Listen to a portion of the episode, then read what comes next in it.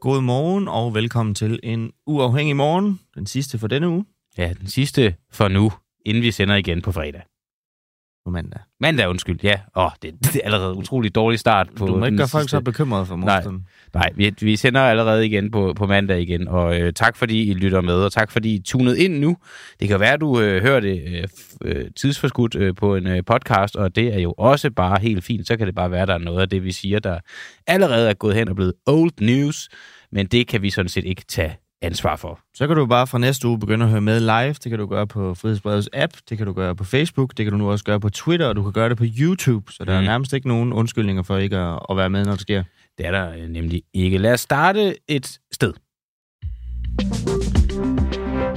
Vi skal starte på Stefansgade i København. Det kan lyde som øh, en meget, meget øh, lille og indsnævret øh, øh, ting at, at starte ved, men der er faktisk øh, muligvis øh, meget mere at komme efter i Stefansgade i København, end man bare lige går og tror.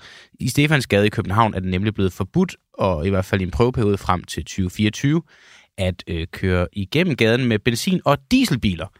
Og øh, for det første så er det jo sådan et, et måske først initiativ på vej til at gøre København, men også hele Danmark til en grøn, øh, for det første København til en grøn by, men Danmark til et grønt land. Er det her, vi kan redde klimaet? Starter det måske på Stefansgade? Det kan være.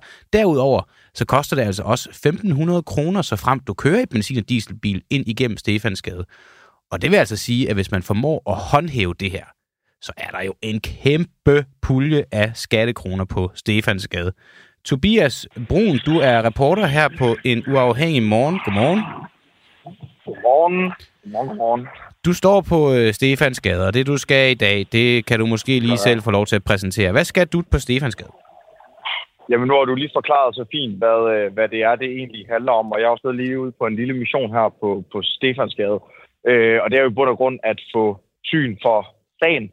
Mm. Øh, jeg, skal, øh, jeg skal tælle biler, Ja, simpelthen. Øh, øh, henholdsvis, hvor mange benzin, diesel og hybridbiler, der, der kommer igennem, der hvor de nu ikke må køre siden tirsdag. Øh, og så selvfølgelig, hvor mange el igennem.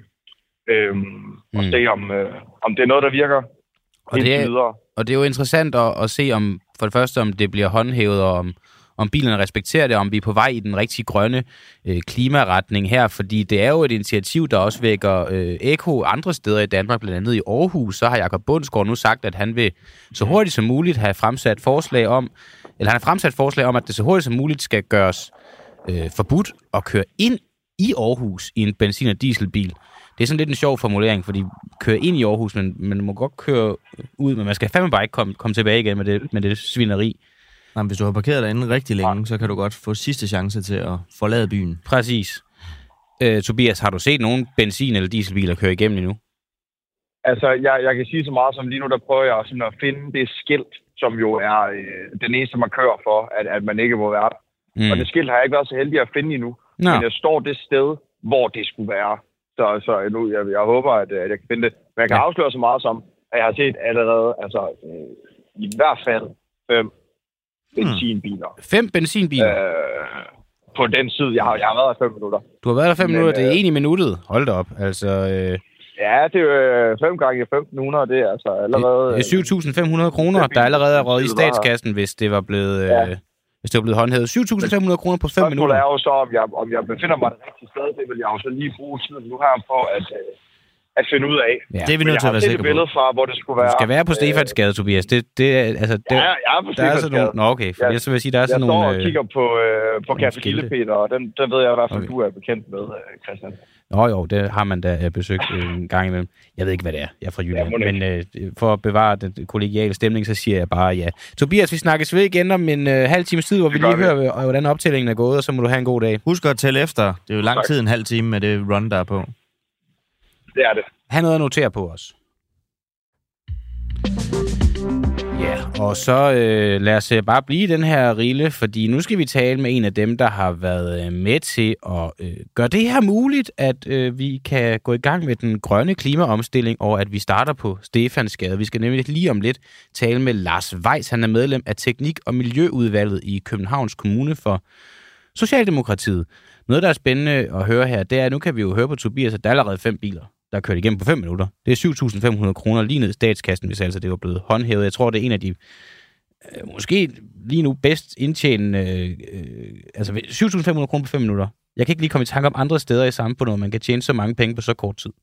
Nej, altså det virker til at være en uh, ret god forretning. Og det er også derfor, der er måske nogle lyttere derude, der kan sidde og tænke, at det ikke er fuldkommen ligegyldigt med Stefans Gade, men det er jo for det første, der er princippet i det.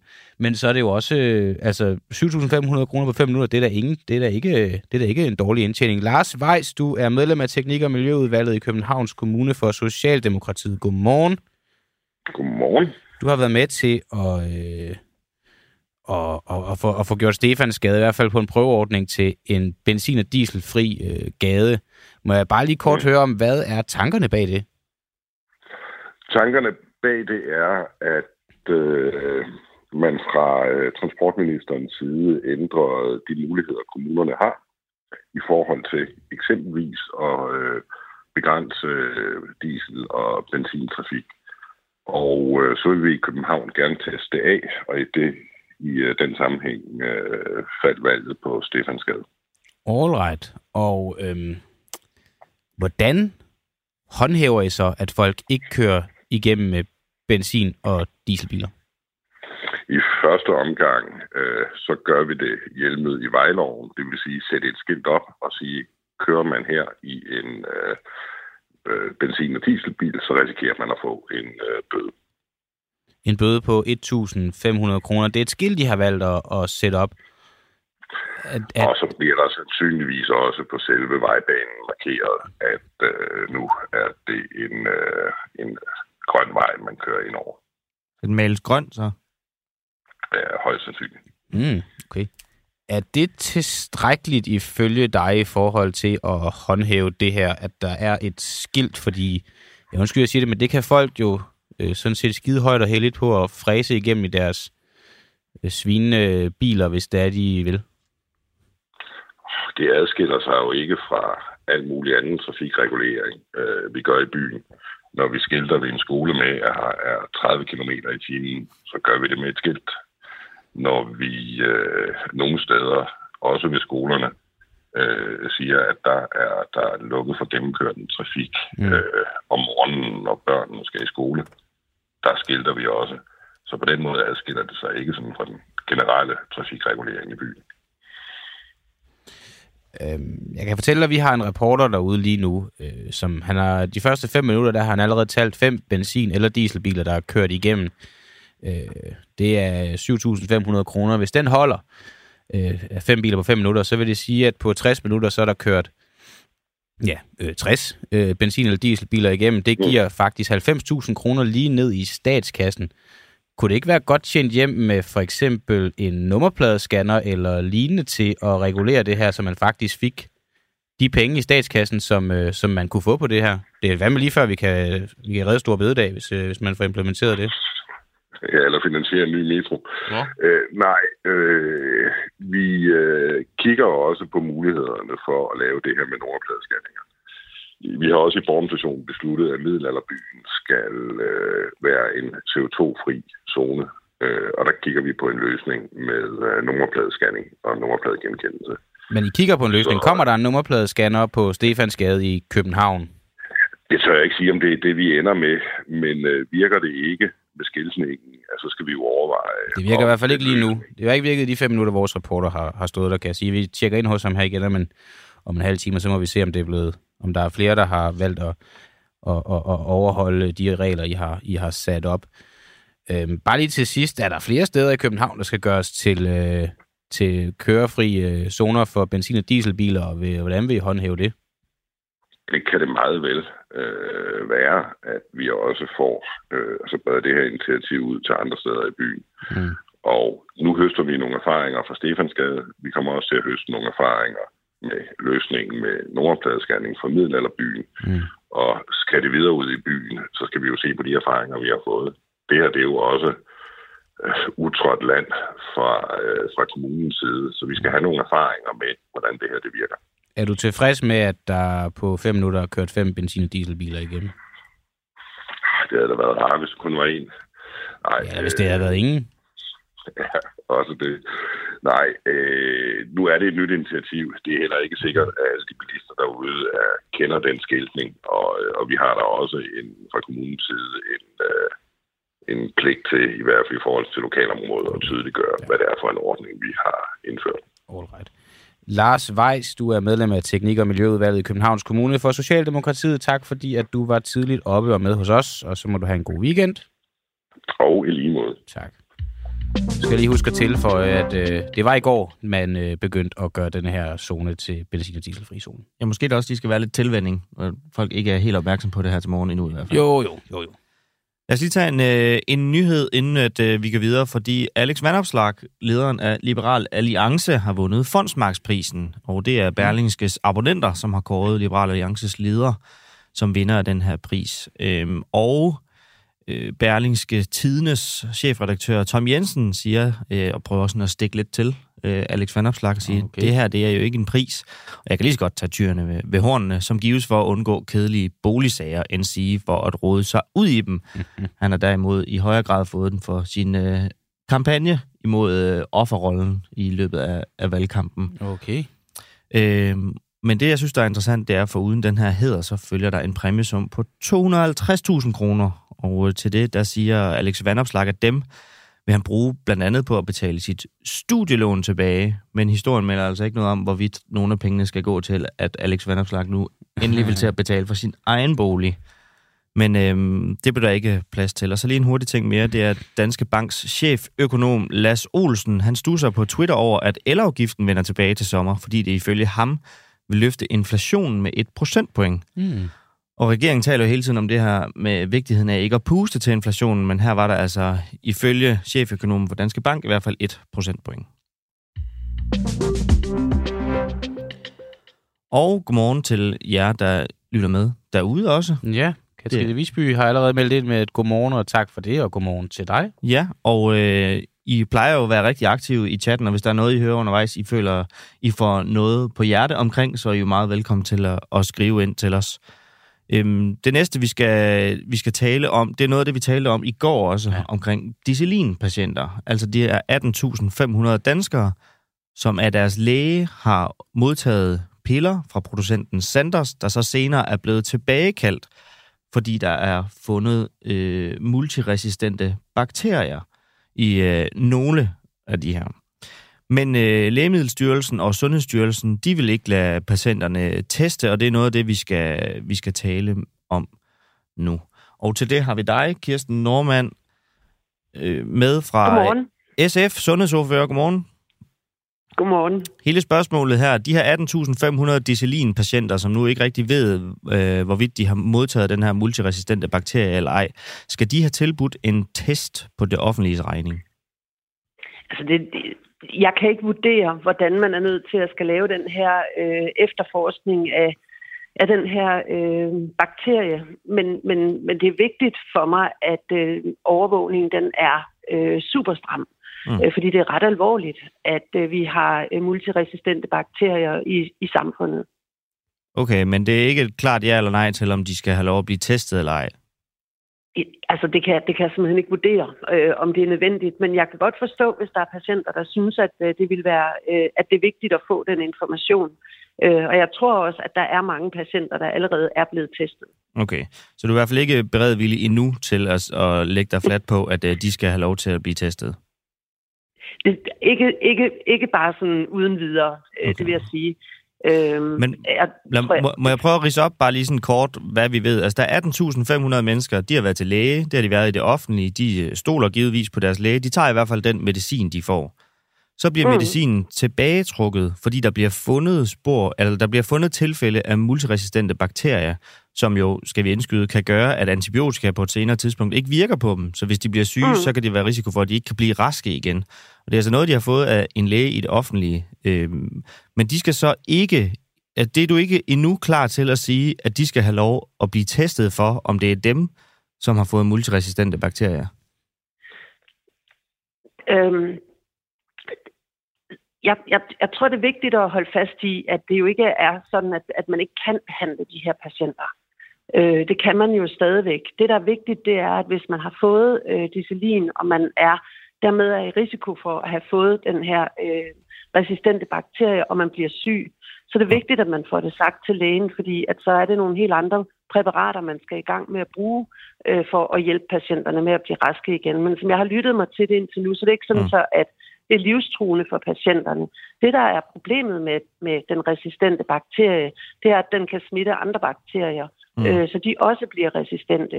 Og det er øh, potentielt en kæmpe katastrofe, hvis det skulle ske. Jo, men altså, nu du siger du, det er ikke øh, nødvendigvis livsfarligt, men det er jo trods alt alvorligt. Altså, hvis man har multiresistente bakterier, så når man skal behandles på øh, sygehus og så videre, så sidder man i et fuldstændig særskilt afsnit, øh, og må ikke ja, være, være i kontakt med de andre. Så jeg, jeg, stud, jeg undrer mig bare over, at fordi nu når det jo er noget, man har fået, er det offentligt. Det er jo ikke noget, de helt tilfældigvis selv har været ude at finde på et eller andet marked, og så er de lige pludselig, så hænger de med, med røven i vandskorben. De har jo faktisk gået til den instans, de godt kunne tænke sig at, at blive tjekket af øh, via deres skattekroner, men, nemlig men, deres men egen læge. Bare, mm, nu men jeg bare slå fast, at det er en, en katastrofe, at øh, man finder multiresistente bakterier i medicin, som øh, man giver til patienterne. Øhm, og, og, og det er jo en ting, der ikke må ske. Øhm, og det er der jo heldigvis også nogen, der er i gang med at prøve at udrede, hvordan, øh, hvordan kunne det ske. Men det der, er, det, der er problemet med den her bakterie, det er jo netop, at hvis det er sådan, at man bliver syg, så skal man have en anden behandling, end den man ellers ville have fået, hvis det er sådan, at man bliver syg. Og, og, og det er derfor, det er vigtigt, at øh, hvis man bliver syg, og man har fået det her øh, præparat, at man så også retter henvendelse til lægen med det samme. Og når de bliver isoleret, så er det jo fordi, at vi ikke skal risikere, at andre patienter, som også er syge, øh, bliver smittet, fordi så er der mulighed for de her mutationer. Jo. Men nu, altså som politiker, så er det jo fint nok at fastslå, at noget er en katastrofe, men det er jo rent faktisk mm. jer inde på, øh, på Christiansborg, som sidder med, med værktøjskassen til at gøre noget. Altså, mm. øh, de her mennesker her, når de nu hører dig sige, at det er en katastrofe, samtidig med, at du, du ikke vil være med til og, og sikre dem, at de kan få lov til at blive testet for, om de har modtaget en af de her multiresistente bakterier. Hvad tror du, de sidder og, og synes om det? Men jeg kan, jeg, jeg kan godt forstå utrygheden øh, hos de her patienter. Jeg lytter mig bare til, at både Sundhedsstyrelsen og Serum Instituttet siger, at det ikke er, er at, at de ikke skal være bekymrede. De skal reagere, hvis de bliver syge. Øh, fordi så skal de behandles med et andet præparat, end, end man ellers måske ville have, have tydet til. Mm. Øhm, og når jeg siger, det er en katastrofe, så er det fordi, at øh, øh, resistens, altså antibiotikaresistens, er et problem. Mm. Og også et problem, som jeg synes, at øh, vi skal være meget mere opmærksomme på, end, øh, end vi faktisk er. Derfor har jeg også spurgt ind øh, til lige præcis den her sag, fordi den dag, vi ikke kan behandle øh, bakterier med, med penicillin længere, der har vi altså et ganske alvorligt problem. Ja, men jeg synes over det du, det, du siger, at de skal reagere, hvis de bliver syge, men hele, mm. hele humlen omkring øh, resistens, det er jo, at øh, hvis de bliver syge, så kan de have svært ved at blive raske igen. Altså, så hele problemet, det er jo ikke, at de bliver syge af den her multiresistente bakterie. Hele problemet, det er jo, at de risikerer ikke at kunne blive raske, hvis de bliver syge af noget andet mm. på et tidspunkt. Mm. Så, så altså, hvorfor ikke teste dem for, om de, de har det her? Men hvorfor, altså, øhm, jeg, jeg, jeg, jeg, hvordan skal jeg sige det her? Øh, jeg, jeg, jeg, jeg, det, er jo ikke, det er jo ikke sådan, at man ikke kan behandles, som jeg lytter mig til det lige nu. Det kan man godt. Man skal bare bruge nogle præparater, som vi, vi i virkeligheden gerne vil reservere. Øh, mm. fordi at øh, vi jo netop har det her problem med, at øh, resistens er et problem. Flere og flere præparater øh, ikke har den virkning, som de faktisk skulle have. Mm. vi løber tør øh, for, for penicillin, der rent faktisk virker. Øh, og det er jo heldigvis ikke sådan, at, at man nødvendigvis bliver syg, fordi man har taget den her medicin. Men hvis man bliver det, skal man behandles med et ganske bestemt præparat. Det er derfor, det er vigtigt at reagere, hvis man bliver syg. Mm. Øhm, fordi at man så skal have det her særlige præparat, så man kan blive rask igen. Men du siger, at de stadigvæk kan, kan behandles med andre præparater, men hvordan skal vi egentlig vide, hvem det er, der skal behandles med andre præparater, hvis I ikke vil lade dem teste?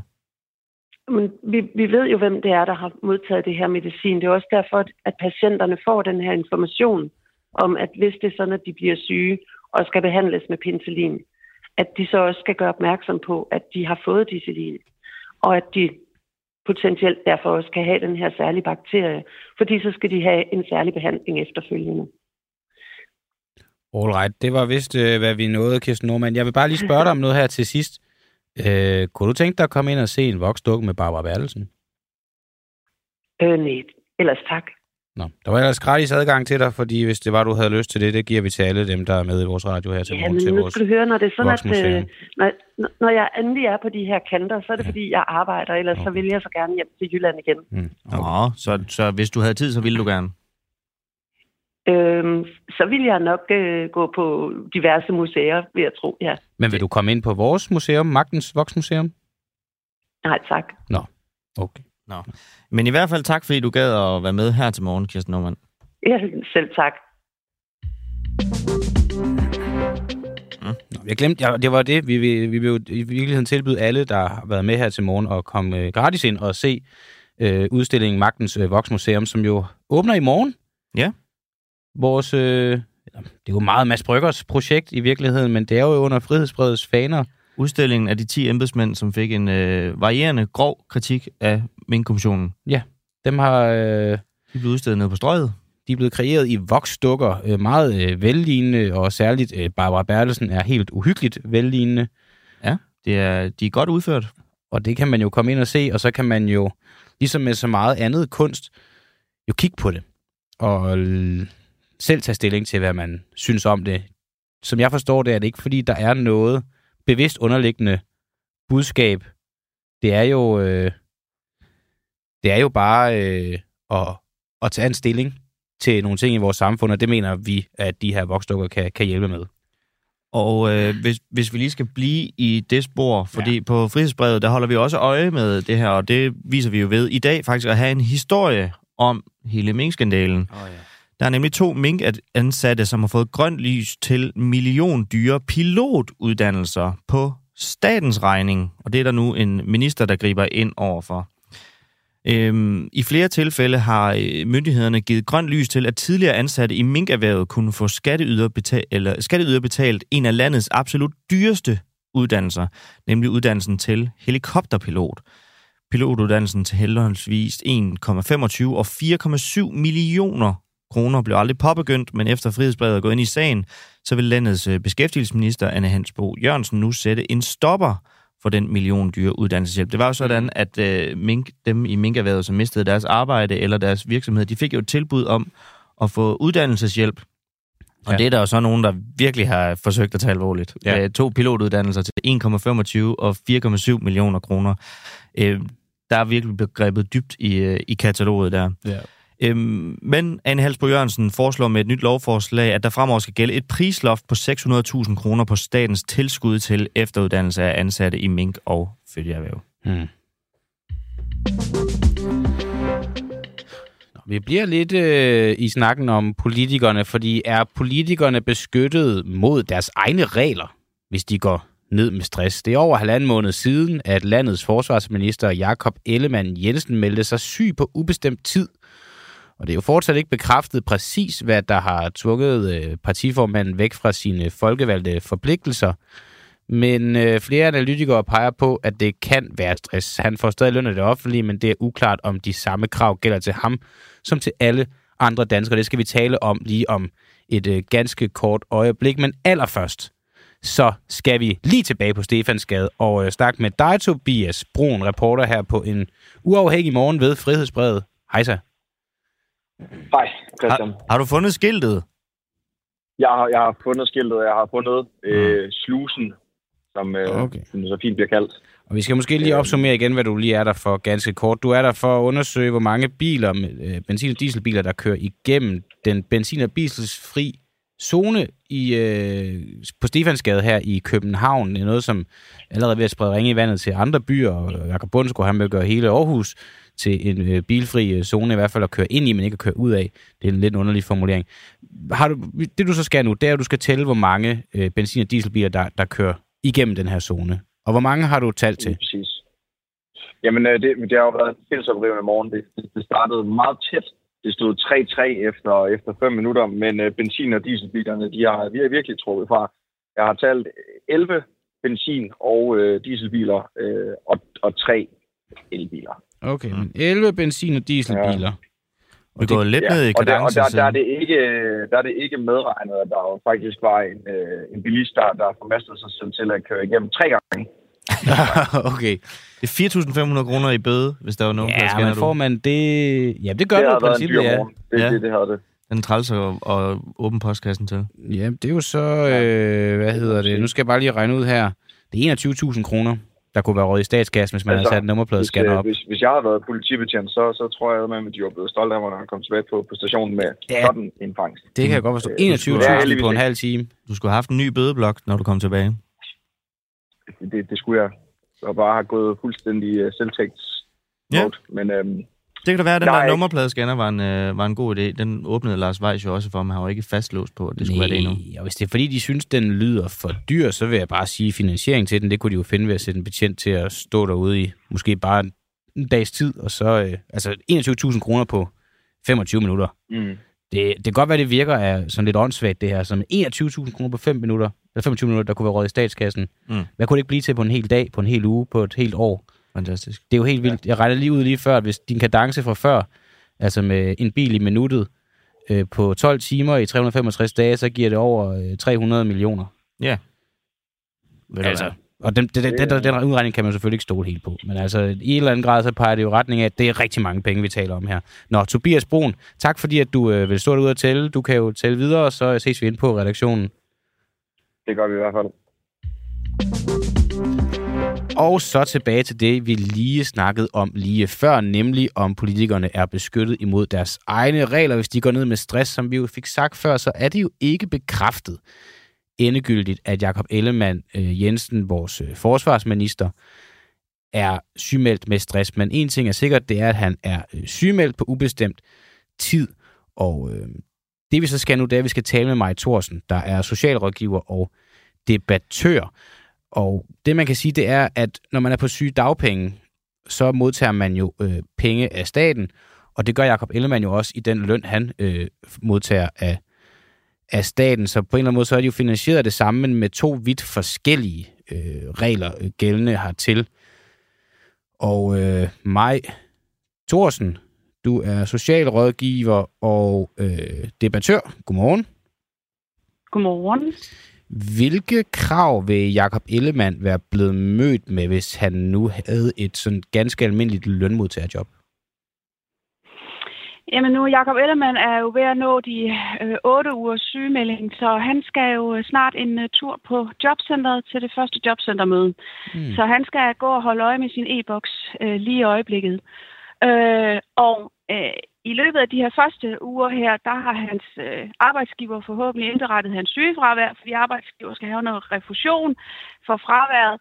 Og øh, derefter så har Jakob Ellemann skulle øh, udfylde et sygefraværsskema, øh, som er indsendt til jobcentret.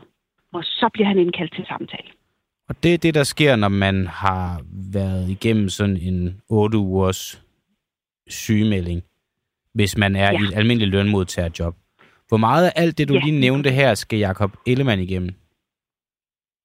Ingenting. Ingenting. Det skal han ikke. Der gælder jo nogle, nogle, nogle helt andre regler for, for vores landspolitikere. Så, øh, så Jacob Ellemann får egentlig fred, som han jo egentlig har brug for, Mm. hvis, når man er for eksempel stressramt. Ja, fordi det er det, så vil spørge om, hvilken, sådan, øh, hvilken system, der er, der, er, der er det bedste for en, der er gået ned med, med stress, hvis vi antager det, Jacob Ellemann han er. Er det det system, Jacob Ellemann befinder sig i, eller er det det system, alle andre almindelige lønmodtagere befinder sig i? Ja, jeg hælder jo mest til, at det er det, er det som Jacob Ellemann øh, han, han er i det system. Om end jeg godt kan se, at der også i nogle jobcenter kan tilbydes nogle forløb, der også kan hjælpe borgerne. Øh, problemet er bare ude i nogle jobcenter, der kommer man jo til at gå over grænsen i deres øh, iver for at hurtigt at få borgerne tilbage på arbejdsmarkedet. Og det er jo det, at borgerne føler sig vældig presset, og det, det er jo det, der er i systemet, der er noget værd møg. Øh, men sådan overordnet set, så vil jeg sige, så synes jeg da, at, at det er Jacob Ellemanns sygemelding, der på den måde, det er tilrettelagt, der må være det bedste. For han får den ro, han skal have, og som er så central og vigtig, når man er stressramt. Okay. Øhm, hvem er det egentlig, der vurderer, om man er syg nok til at få sygedagpenge, hvis bare lige vi tager den der? Ja, det er jobcentret. Alright. Og hvad, hvad baserer de de vurderinger på? Jamen, jobcentret kan inden den første samtale vælge, hvis man er lidt øh, i tvivl om sygdommen og alvorens karakter osv., så, videre, så kan jobcentret vælge at indhente en særlig lægetest inden det første møde, som øh, altså en lægetest fra praktiserende læge, som handler lidt om, hvad er diagnosen, øh, hvordan er sygdommen opstået, og hvilke skånehensyn der er, hvor lang tid forventer man, at sygemelding varer, hvilket jo kan være rigtig svært, når det er for eksempel en stresssygemelding, men det kan jo være alle andre sygdomme også. Øh, men, øh, og den har øh, sagsbehandleren jo så til den første samtale med borgeren. Øh, og så folder samtalen sig jo lidt ud derfra, hvor borgeren skal fortælle, hvordan det går, og hvad, hvad kan borgeren, og, og ja, hvad får borgeren tiden til at gå med, og mm. er der noget i gangværende behandling, for eksempel psykolog og så videre. Og det er jo så... øh, men, men ret beset er det jo jobcentret, der bestemmer, om en borger er uarbejdsdygtig øh, eller kan raskmeldes. Ja. Og sygdagpenge, det er jo en finansiering af, af din øh, sygemelding fra, fra statens side, ligesom man kan sige, at Jakob Ellemands løn er. Øh, og han er jo sygemeldt på ubestemt tid. Kan man modtage sygdagpenge ja. på ubestemt tid? Nej, det kan man i hvert fald ikke. Øh, der er en, en tidsgrænse efter de 22 uger, hvor der er noget, der hedder en revurdering, og der kan du så, det vil sige, der skal man revurdere sygedagpenge-sagen, og enten kan du blive forlænget efter syv forskellige slags forlængelsesmuligheder, og ellers så øh, skal du overgå til et andet forløb. Hvis du ikke opfylder nogle af de syv forlængelsesmuligheder, så skal du over i et øh, jobafklaringsforløb, hvor øh, ydelsen er noget lavere end, øh, end sygdagpenge. Den er faktisk på kontanthjælpslignende øh, niveau. Hvis du ikke har en arbejdsplads, der stadigvæk betaler din løn. Og der er i hvert fald en del af mine klienter, der bliver, der bliver opsagt under deres øh, sygeforløb. Og de overgår så til den, den jobafklaring, det jobafklaringsforløb. Mm. Det gør, at mange borgere faktisk bliver meget økonomisk presset. Mm. Når jeg sådan lige... Det undgår Jacob Ellemann heldigvis jo når jeg sådan lige hører dig lægge det her frem, og sådan tonen i din stemme, jeg får sådan, og nu kan du bare sige nej, hvis det ikke er rigtigt, men jeg får sådan en fornemmelse af, at du synes, det her det er uretfærdigt, at det her system tilfalder Jakob Ellemann, men, men ikke de almindelige lønmodtagere. Synes du, det er uretfærdigt, at Jakob Ellemann er særligt privilegeret, bare fordi han er politiker? Nej, det synes jeg faktisk ikke. Jeg synes faktisk, vi skulle have et system, der ligner mere Jakob Ellemann. Så der, hvor jeg synes, det er uretfærdigt, det er, at at borgerne er udsat for, for det system, som, som de så bliver omfattet af. Så det, du ja, synes, der er uretfærdigt, det er, det er, at borgerne ikke kan få det samme system, som Jacob Ellemann ja. han får? Ja, eller i hvert fald, man kunne sige, at der skulle være nogle noget mere lempelige vilkår. Jeg, jeg synes ikke, at jeg synes ikke, man som almindelig borger skal, have, øh, skal skal heller, heller skal kunne gå i fire år. Jeg synes, det er vildt, de kan gå i fire år ind i Folketinget. Det, det må jeg da sige. Mm. Gå en hel valgperiode. Men, men jeg i min, mit fokus er mere på, hvad der skal være bedre for borgerne. For jeg, jeg synes faktisk, for Jakob Ellemann, der er det det bedste, der sker lige nu, det er, at han får fred og ro. Altså mine borgere, de bliver jo mødt nogle jobcenter er gode til at behandle borgerne andre øh, godt, mens andre de jo presser voldsomt på. Altså borgerne skal jo gå til de her kontinuerlige jobcentermøder eller samtaler på telefon. Og nogle bliver jo mødt af krav hver evig eneste gang, de kommer til en jobcenter-samtale. Skal du ikke lige, vil du ikke lige deltage i et mestringskursus? Vil, vil du ikke lige hen til vores egen psykolog og snakke? Øh, øh tror du ikke, du kan starte lidt op på din arbejdsplads? Nu skal vi ikke lige sende dig lidt ud i en praktik? Altså, hvor der slet ikke bliver taget hensyn til sygdommen. Og det er uagtet, hvilken sygdom, der er tale om. Maj, og det er jo Maj derfor, Thorsten, hvis du kan må jeg spørge noget? Ja. Det er bare ja. fordi, at det lyder meget ædelt egentlig, at, øh, at dit fokus på utilfredshed, det kun er rettet mod borgerne. Jeg kunne bare godt tænke mig, når du som, med så mange sager, som du har ja. i, i, din, ja. øh, i din mappe, altså øh, ja. er du så overhovedet ikke det mindste bitter, det lyder ikke sådan, men er du overhovedet ikke det mindste bitter over, at lige præcis dem, der laver reglerne, de ikke er underlagt de samme regler? Nej, det, nej, du må, nej, det er, det er jeg altså ikke. Mm. Øhm, vil jeg ønske, at Jakob Ellemann, han øh, kunne, kunne forstå, hvad jeg håber, han forstår, hvad almindelige, almindelige citationstegn borger er, er udsat for, og, og nu hvor han så har sit eget forløb, hvor han får fred og ro, at de så får pokker ikke alle dem, der har været stress, stressramt inde på, i Folketinget, kunne se, at der er også nogle borgere derude, som slet ikke har de samme gode mm. vilkår. Eller nej, jeg ønsker ikke de samme gode vilkår, men at det kunne blive bedre for borgerne. Så nej, jeg er ikke bitter over, at landspolitikerne har de vilkår, de har. Det er jeg vidderlig ikke. Men, men jeg er meget indineret over det, som almindelige borgere bliver udsat for. Det, det har jeg så mange meget erfaring og så mange sager på banen til, at jeg med rette kan være indineret over. Mm. Og hvis folk vidste alt om, hvad jeg oplever i mit arbejde og ser i mit arbejde, så vil nogen også tænke, hvorfor hun er hun ikke mere vred. Altså, hvorfor står hun ikke og, og råber og skriger ud, hvad pokker det er, der foregår. Men, men, men det... Øh, jeg skal også holde en god tone, jo. jo, det er rigtigt. Bare lige her øh, til sidst til mig. Øh, det er om noget helt andet, men jeg kunne godt tænke mig at spørge dig, om du kunne tænke dig at se Torkild Fode, rigspolitichef, som en voksfigur? Nej. Ja. Nej, tak. Vi har ellers øh, vi har lavet ham øh, som en voksfigur sammen med de 10 andre øh, embedsmænd, der var med til at lukke minkeværet ned og udstille dem fra i morgen af på, på strået, øh, hvis du vil. Det koster penge at komme ind og se, men, men fordi du er med her til morgen, så kan du altså komme gratis ind. Er det rigtigt? Mm. Ved du hvad, nu bor jeg altså i Randers. Der, mm. der er, det, mm. det, det, det tror jeg, jeg siger nej tak til. Okay. Du kan tage Svend Brinkmann under armen og tage en Københavner-tur og komme herover. Ja, men jeg ringer til Svend i eftermiddag. God, ja. men tusind tak for tilbuddet. Men hvis Svend, han skal altså selv betale, for han har ikke været med her ja, det er rigtigt. Svend Brinkmann får ingen rabat. Nej. Det skal sgu ikke Gør han ikke? Nej, så vil, han, så vil han nok rigtig gerne med mig derinde. Mm. Ja, ja, det vil du tro. Tænker jeg, når jeg kan komme gratis ind, ja. Tag du fat i ham. Jeg har også mange ting, jeg gerne vil snakke med Svend om. Det kunne jeg forestille mig. Maj Thorsen, tusind tak, fordi at du havde tid til at være med her til morgen. Ja, tak fordi jeg måtte. Tak for interessen for det her. Stor interesse for, for det her. Jeg er ikke så stor interesse for at, at komme ind og se altså udstillingen Magtens Voksmuseum. Det synes jeg jo ellers, man skulle tage og overveje. Hvis du sidder og lytter med og er medlem af Frihedsbrevet, så kommer du gratis ind, og ellers øh, så skal du købe en billet. Og det koster 99 kroner? Yes, og så kan du jo overveje, hvis du ikke er medlem, at det koster jo kun 79 kroner at være medlem af Frihedsbrevet. Så der er du allerede bare en 20. Ah, fed fidus. Yes. Og så en, øh, en nyhed mere, den omhandler Peter Hummelgaard, vores allesammens justitsminister. Han overvejer nemlig at bruge værnepligt som erstatning for fængselsstraf. Øh, det gør han i et interview i Weekendavisen, som er kommet ud her til morgen, hvor justitsministeren foreslår nye og kreative måder at straffe på, uden at belaste fængselssystemet yderligere. Og det lyder ret vildt det her, men han siger, og rent faktisk, jeg sidder med forskellige idéer, som jeg dog endnu ikke ved om er realiserbare. Lad os sige, at vi står med nogle unge mænd, der er dømt for førstegangsovertrædelser, grov vold eksempelvis.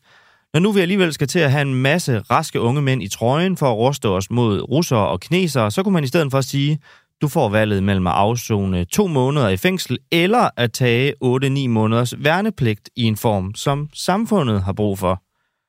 Og nu ved jeg mhm. ikke helt, det det arbejder vi på, og vi har ikke nået at, at kunne få en, en reaktion på det her til morgen, men kan vide, hvad de egentlig siger i forsvaret til, at de nu skal til at håndtere en hel masse kriminelle sideløbende med alle deres øh, soldater.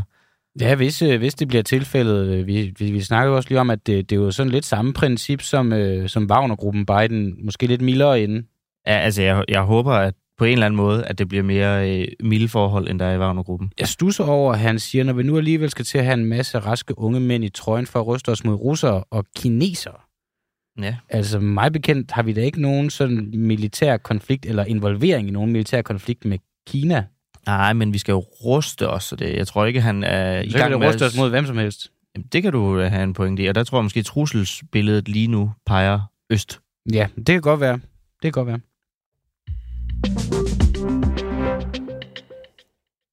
Er der for mange reklamer i det offentlige rum?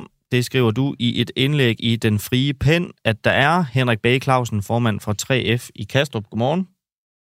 Godmorgen. Hvorfor er du træt af dem? Af reklamerne? Ja. Ja, det ved jeg ikke. Det er ikke som formand for 3F i Kastrup. Jeg er træt af dem, men nu er jeg klummeskribent, og jeg, er, jeg synes, der er rigelige reklamer i det offentlige rum. Okay, og hvilke nogen skal der være færre af? Det ved jeg sgu ikke. Sådan lidt i det hele taget. Jeg synes, der er, jeg synes det er en besøgelig ting i, at man, at man sætter reklamestander op på, på små pladser og fortorv og sådan noget. Hvad, altså nu bare lige for, øh, altså du har jo, du har jo skrevet et indlæg i det her, den, den frie pen, hvor du problematiserer det. Altså hvad er helt præcist øh, problemet med, med omfanget eller med indholdet på reklamerne, eller hvad er det, du ser som et problem? Jeg synes, der er rigelige reklamer i det offentlige rum i det hele taget. Når man nu for eksempel går en tur i Kastrup, så er der på butiksfacader selvfølgelig. Så er der på busskuer, så er der på busserne, øh, så er der sådan, når man passerer igennem, så er der enormt mange reklamer her og der. Jeg synes egentlig ikke, der behøver at være flere. Okay. Øh, du i, øh, I dit indlæg, der problematiserer, problematiserer du blandt andet en reklame for Skor.dk. Øh, ja. Hvad er det helt præcist, øh, den reklame er problematisk på baggrund af? Jeg ved ikke, om den reklame i sig selv er problematisk. Det er sådan set meget sjov. Jeg synes mm. måske bare ikke, den hører til lige der, hvor man står og og ja, og venter på bussen, eller øh, står, hvor man bor. Nogen har valgt, nogle andre har valgt, at den reklame stander med det budskab, er det så lige for tiden. Mm. skal stå lige der, hvor, jeg, hvor, hvor X eller Y eller Z bor. Jeg bor ikke selv lige der, hvor den står. Men mm. øh, jeg synes, det er besynderligt. Okay, så det, det er ikke nødvendigvis fordi, at det, det lige præcis handler, så, handler om reklamer, som du ikke kan lide, at de ikke skal være der? Nej, jeg, altså det, det, det vil jeg da ønske, at jeg kunne få lov at bestemme, men det tror jeg slet ikke kommer til at ske. Okay. Det, er, det er reklamer generelt, men det er rigtigt, når man så sætter reklamer op med et seksuelt budskab, så giver det så en ekstra dimension på det. Øh, og som jeg også skriver, når man skal forklare sine børn eller børnebørn, jamen, hvorfor har de voksne synes, synes de, det er vigtigt lige på her, hvor vi bor, lige ved mm. indgangen til vores øh, almindelige boliger her, er det lige præcis her, den skal stå. Mm. Den står sjovt nok ikke hen på en villavej, vel? Nej. Men hvad så med, altså fordi at, altså, du må også indrømme, nu siger du godt nok, at det ikke er som formand for 3F i Kastrup, at du skriver det, men vi kan jo heller ikke komme udenom, at det jo rent faktisk er det, du er. Øh, hvad så med 3F-reklamer, der hænger lige op og ned af, hvor, hvor folk bor, som du nævner der? Fuldstændig det samme. Jeg synes, der er for mange reklamer i det offentlige rum, og jeg synes, det er på tide at stoppe op og jeg synes, det er lidt besynderligt, i, øh, at kommunen er det så her i det her tilfælde. Det vidste jeg ikke, da jeg skrev klummen. Det har jeg fundet ud af bagefter, for nogen, der har skrevet til mig. Ja. At kommunen har vælger, de synes, der skal stå en reklamestander. For eksempel nu på det øh, hjørne, jeg nu lige peger på, altså ind til et almindeligt boligområde, eller det kunne som være på et af de små pladser og torve, der i øvrigt er i Kastrup, som fine steder. Ja. Øh, jamen, skal vi bruge den plads til, til yderligere reklamesøjler, når der i forvejen er butikker rundt om, som har deres reklamer, når der i forvejen er busholdpladsen, der har sine reklamer, når bussen, der kører forbi, har sine reklamer, øh, når stilaser og andre ting er, er, har reklamer osv. Øh, jeg synes, det er blevet for meget gode. Så hvad, hvad skal der gøres? Altså, hvem skal sætte en grænse, hvis der skal sættes sådan en for, hvor der må hænge offentlige reklamer? Jamen, det må jo være dem, der har bestemt, at skal sættes op. Så jeg synes, det var en god overvejelse at sige, jamen, skal vi bruge vores uh, små pladser og, og udarealer til det?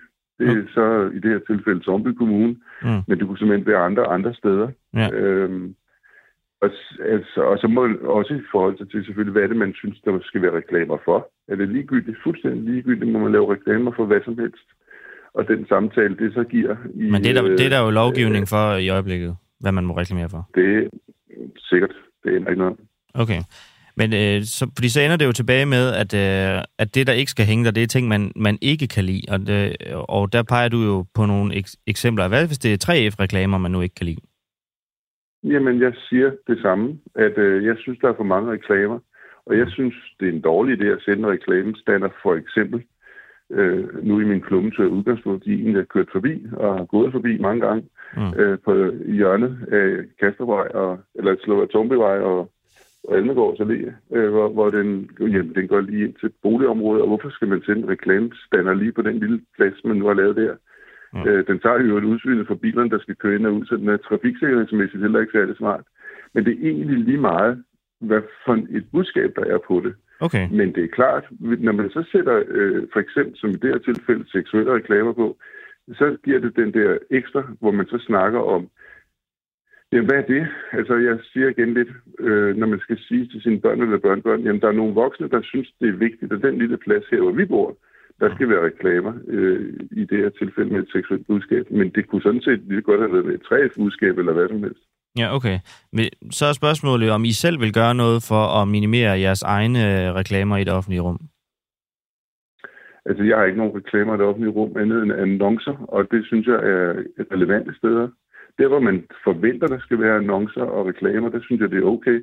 Der, hvor man kunne have forventet, der er reklamer og annoncer for voksne ting, der synes jeg også, det er okay, og omvendt med børneting, øh, for nu i forhold til det med det seksuelle eller ikke seksuelle. Men, men, øh, Men når du siger, man, man, i- når du siger, man kan forvente, at der hænger reklamer, hvem er det så? Er det dig, der skulle kunne forvente, at de hænger der? Eller hvem er det?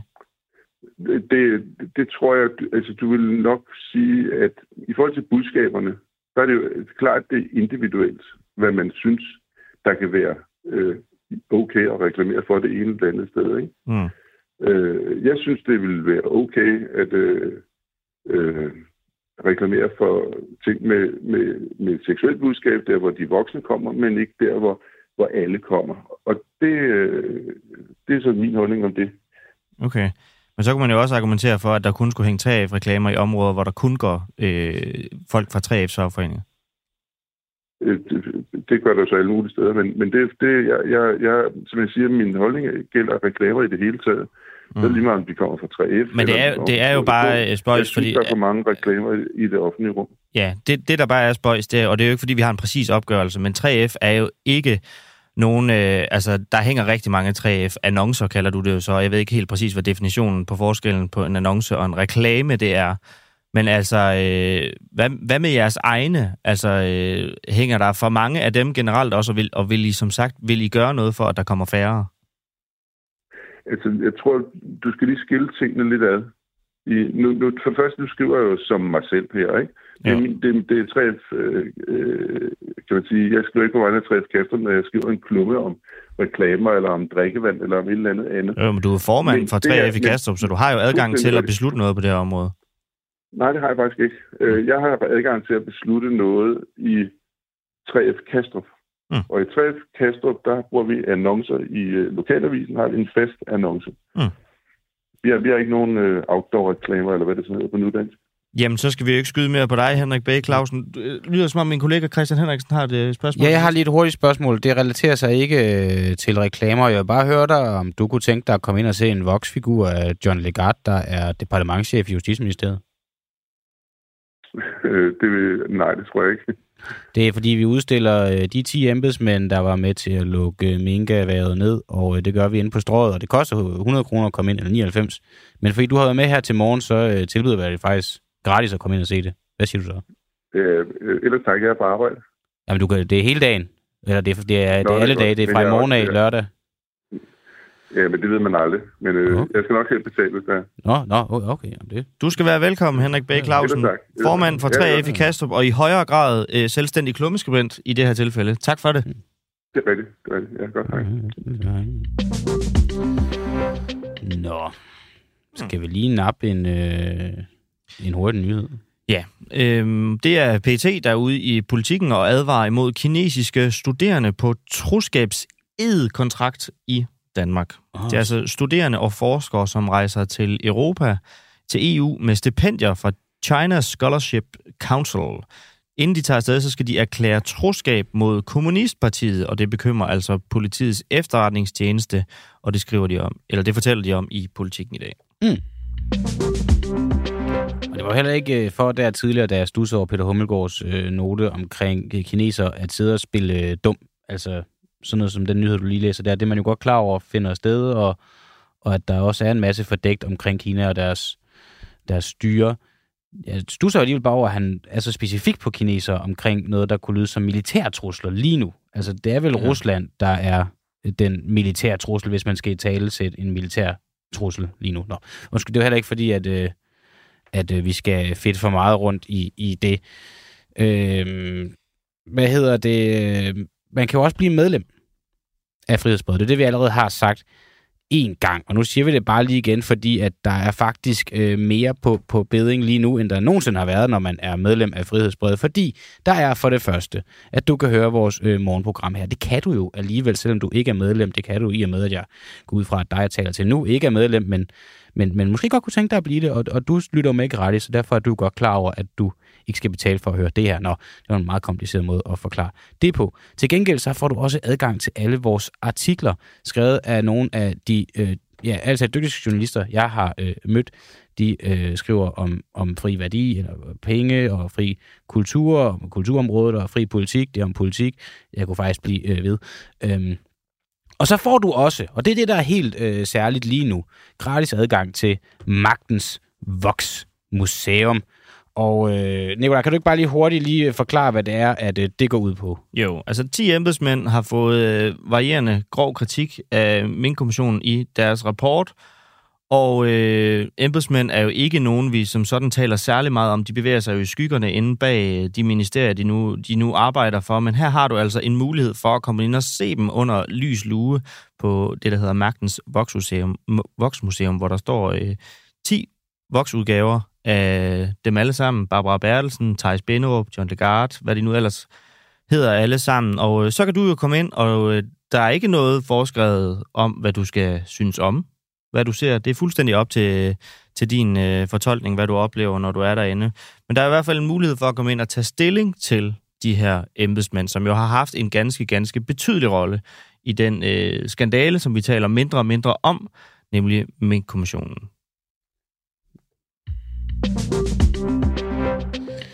Og øh, nu skal vi øh, til et, et, et, et andet indslag, og det er, om det er for dårligt, at Klimarådet bliver beskåret med to tredjedele, fordi i går kom det længe ventede finanslovsforslag fra vores øh, allesammens øh, trebenens haborat øh, SVM-regeringen, og i det forslag ligger der blandt andet en beskæring af Klimarådet på to tredjedele.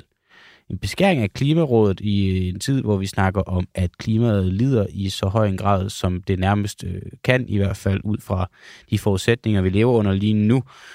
Øh, det er altså realiteten. Klimarådet er et uafhængigt organ af eksperter, der rådgiver regeringen i, hvordan den grønne omstilling sker bedst muligt, sådan lidt forsimplet sagt. Jeg håber, vi har Søren ikke med lige nu fra Enhedslisten Klima-, Energi- og Forsyningsudvalget. Er, er du også et øh, medlem af Søren ikke? Det har vi ikke. Rasmussen, men jeg kan høre, at du næsten er der. Så, øh, så, øh, så det er jo sådan set, det er jo sådan set meget godt. Jamen, jeg ved ikke, om man kan høre det på rytmen i vores stemmer, men vi har lidt problemer med at komme igennem til Søren Ege Rasmussen lige i øjeblikket. Men Søren Ege Rasmussen, godmorgen. Åh, oh, der var du, Søren. Øh, ikke Rasmussen, medlem af Klima. Du har været der? Nå ja, på jorden har du selvfølgelig, men ikke... Du, du er først nu med hos, hos os. Du har heller ikke været på jorden hele tiden. Øh, nå, Søren, det skal ikke handle om, om din øh, eksistens, øh, selvom det selvfølgelig også er relevant. Det vi taler om, det er, at Klimarådet de er blevet beskåret med to tredjedel. Og lad mig bare lige starte med at høre dig, Søren Ikke, som medlem af Klima-, Energi- og Forsyningsudvalget for Enhedslisten. Hvorfor det er dårligt? Det er rigtig dårligt, fordi vi er jo i gang med at lave en omstilling til at blive et klimaneutralt samfund. Og det kan man gøre på mange måder. Og det gælder om, at vi gør det klogt, og vi gør det, øh, så det sådan set er billigst muligt. Og der er vi brug for et uafhængigt klimaråd, som kan give politikerne nogle gode råd om, hvad der er bedst at gøre. Og det gør de blandt andet i en stor statusrapport hvert år. Og det er jo så der, at Klimarådet de sidste tre år har, har dumpet regeringen og sagt, at øh, der er ikke sådan sandsynlighed for, at med, det, med de tiltag, man har vedtaget, at man kommer i mål med sine CO2-reduktioner i 2025 og i 20, og i 2030. Mm. Og øh, det gør de sådan set på en meget kvalificeret måde. Og det, det er jo ikke rart for politikere at blive dumpet, men altså, det er jo sådan set godt at få noget, der er et ærligt svar. Det er godt at få noget, der er et ærligt svar, og du er selvfølgelig utilfreds med den her beskæring her. Det der er, det er, at øh, Klimarådet, øh, Klimarådet bidrager med viden og ekspertise om, om klimaet, og I har flere gange sagt, øh, så sent som i forgårs faktisk, at regeringen ikke lytter til Klimarådet. Den beskyldning, I har sendt afsted mod dem. I har også flere gange sagt, at der mangler at der ikke mangler viden om, om klimaet, der mangler i stedet handling. Hvis der ikke mangler viden, og der alligevel ikke bliver lyttet til Klimarådet, så er det vel egentlig meget fornuftigt at prioritere pengene andre steder end i Klimarådet. Jo, men altså under, under den tidligere regering blev der jo øh, lyttet til Klimarådet, og det, og det var derfor, at Enhedslisten og Radikale og SF sådan set prioriteret øh, klimaet, i for eksempel i forbindelse med øh, finanslovsaftaler. Mm. Vi har i finanslovsaftaler været med til at sikre, at der kommer meget mere havvind i Danmark. Og Ja, det er jo, men Søren Rasmussen, ud nu er det ikke jeres regering, der sidder nu. er kommet med. Og, og, er og dem, korrekt. dem, dem beskylder I jo for ikke at lytte til Klimarådet, og I siger hele tiden, når I fører jer frem ja. På det her område, som jo er et af jeres mærkesager, at der mangler overhovedet ikke viden på det her. Der kræver bare nogle politiske beslutninger, der kræver noget mod.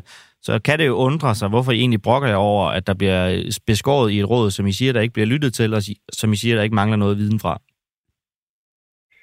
Jamen, du har delvis ret. Fordi vi ved godt, at en af de billigste måder at komme videre med den grønne omstilling, det er at rulle fjernvarme ud og få, få stoppet den fossile gas. Det ved vi godt. Mm. Men vi kigger jo ind i noget, hvor at vi har noget ny teknik, hvor man begynder at lære CO2 i undergrunden. Vi har noget, vi kalder pyrolyse, hvor man skal forsøge at lave noget flydende brændstof Men, ud men af noget øh, Søren Egge, der, ude i, der er masser i af de her e- eksempler, men hvor, hvorfor så ikke prioritere pengene til de eksempler, du nævner her i stedet for?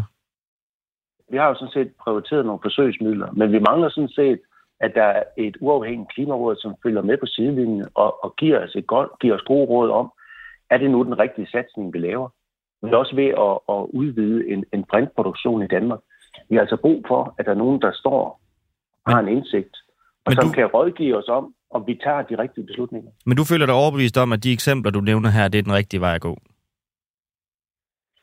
Jeg har sådan set behov for, at øh, Klimarådet følger op på, om vi bruger pengene fornuftigt. Fordi det er sådan set et milliardbeløb, at vi afsætter til noget ny øh, teknologi. Men hvis man så ikke bruger er det pengene på vigtigt. Klimarådet, så er der jo flere penge at bruge til de initiativer, du nævner her. Jamen altså et lille beløb til Klimarådet, på, øh, som, skal, som skal fortsætte på 24 millioner, det er et meget lille beløb i forhold til de milliarder, der bruges til omstilling. Skal I med, altså er I åbne? Alle er jo inviteret til de her forhandlinger her. Øh, Skal I med til dem? Jamen, vi er inviteret, jeg tror det er i morgen, at vi er inviteret på en kop kaffe. Mm. Øh, men, men der er jo i regeringens øh, oplæg til finanslov afsat øh, 200 millioner til dem, der vil forhandle finanslov. Ja. Og vi har jo de sidste tre år forhandlet finanslov, hvor at det jo var en 3 milliarder, som øh, radikale SF og enhedslisten ligesom kunne være med til at fordele. Mm. Så det er virkelig et fedterøvs op, op, oplæg, som de er kommet med, som slet ikke kan løse problemerne.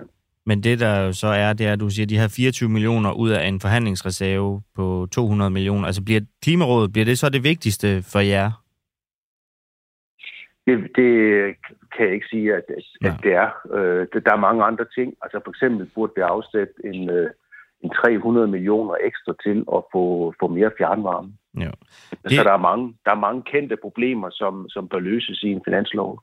Det som øh, Sofie Carsten Nielsen, lederen af de, øh, eller den tidligere leder, nu skal vi lige følge med i, hvad der foregår inde på Christiansborg, den tidligere leder, Sofie Carsten Nielsen fra de radikale venstre, hun spekulerer på Twitter i, at det er bevidst, det her sådan, at øh, når det er udladt klimaråd, så er der noget til jer, der gerne vil være med, og på den måde, så lader det jo til, at I i enhedslisten er faldet lige i, fordi at, øh, der gik jo ikke øh, 20 minutter, så var Maja Villersen ude med caps lock og udråbstegn på Twitter og skrive, klimarådet er for dårligt, og du sidder også og siger, at det er, det er en skandale. Så lige om lidt, så får I de her små bitte 24 millioner, så er I glade og har fået sat et aftryk.